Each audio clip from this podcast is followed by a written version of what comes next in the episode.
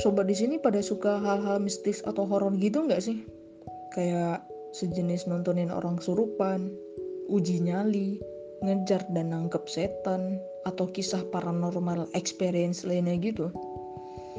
Kalau dilihat-lihat nih, emang sih video, film, novel, segala yang berbau mistis, horor, setan-setanan gitu, banyak peminatnya. Hmm, gimana ya sob Islam memandang hal ini?